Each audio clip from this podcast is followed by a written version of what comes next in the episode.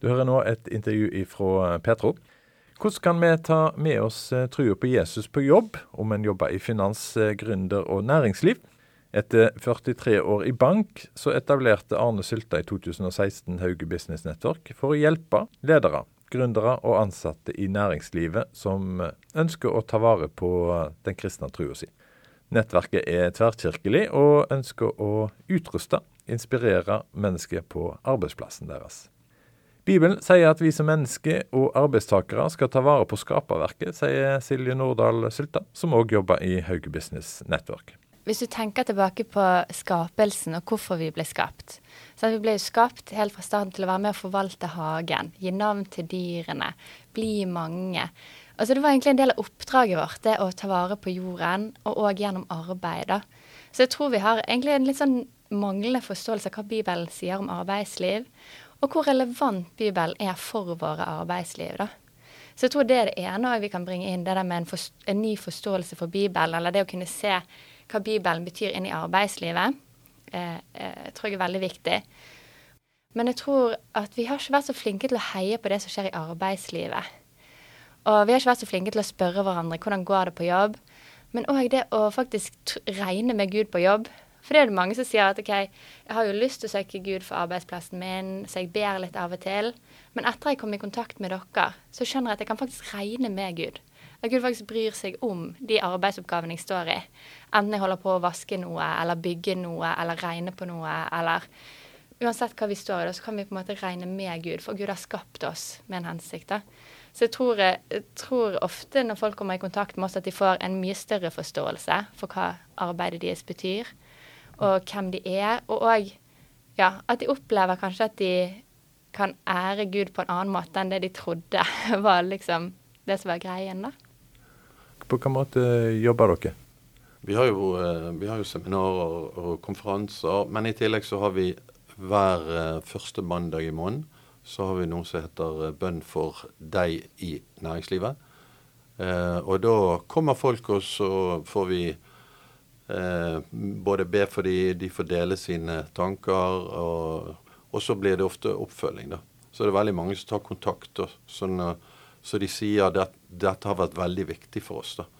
At vi har, noen, vi har et nettverk, vi har noen som vi kan stå sammen med og snakke om eh, hvordan eh, ting vi strever med på jobben.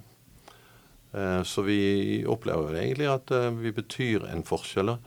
Og så er det viktig det som Silje sier, vi er ikke noen konkurransesituasjon til kirkene. da.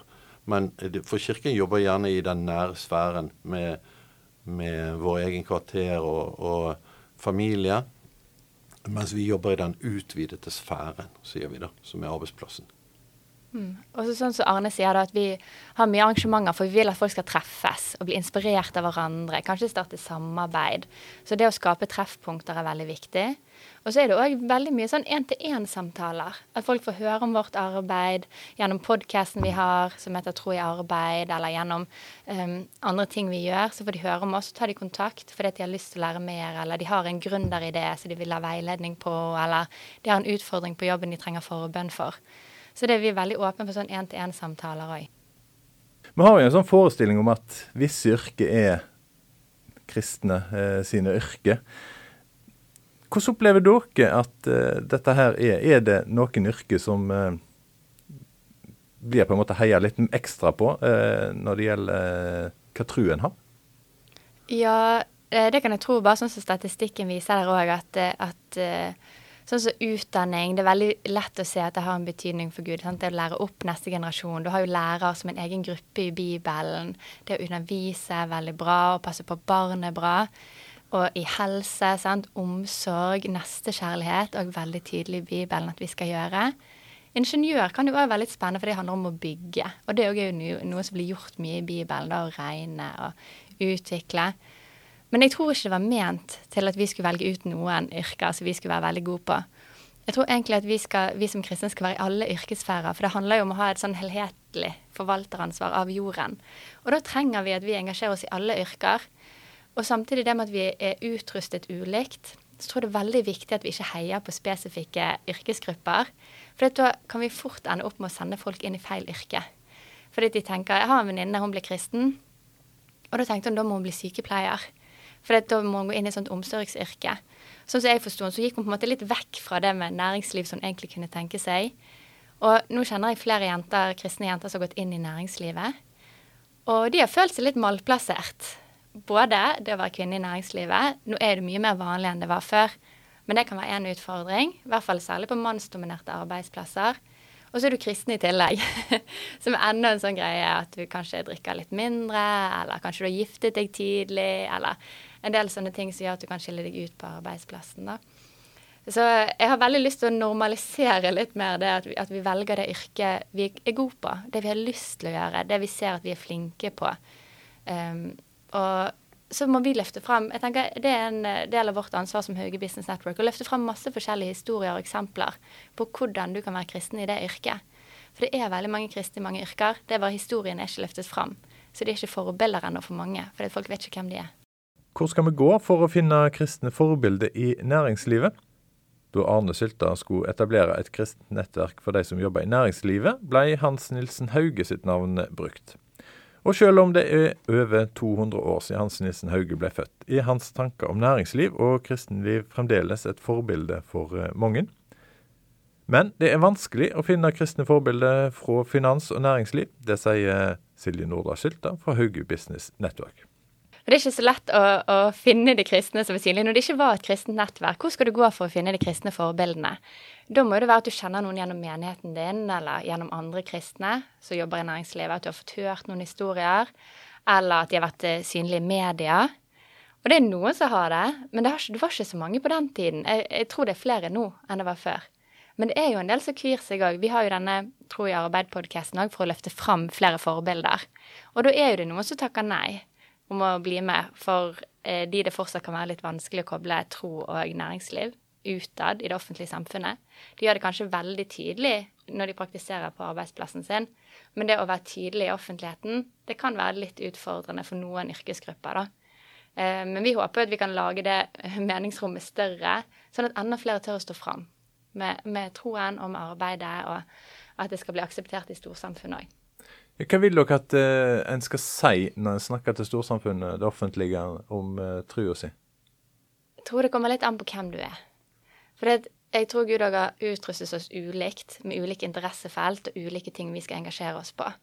Og nå har det vært litt den der at det vi ofte er kjent for, er jo type abort og homofili og sånn.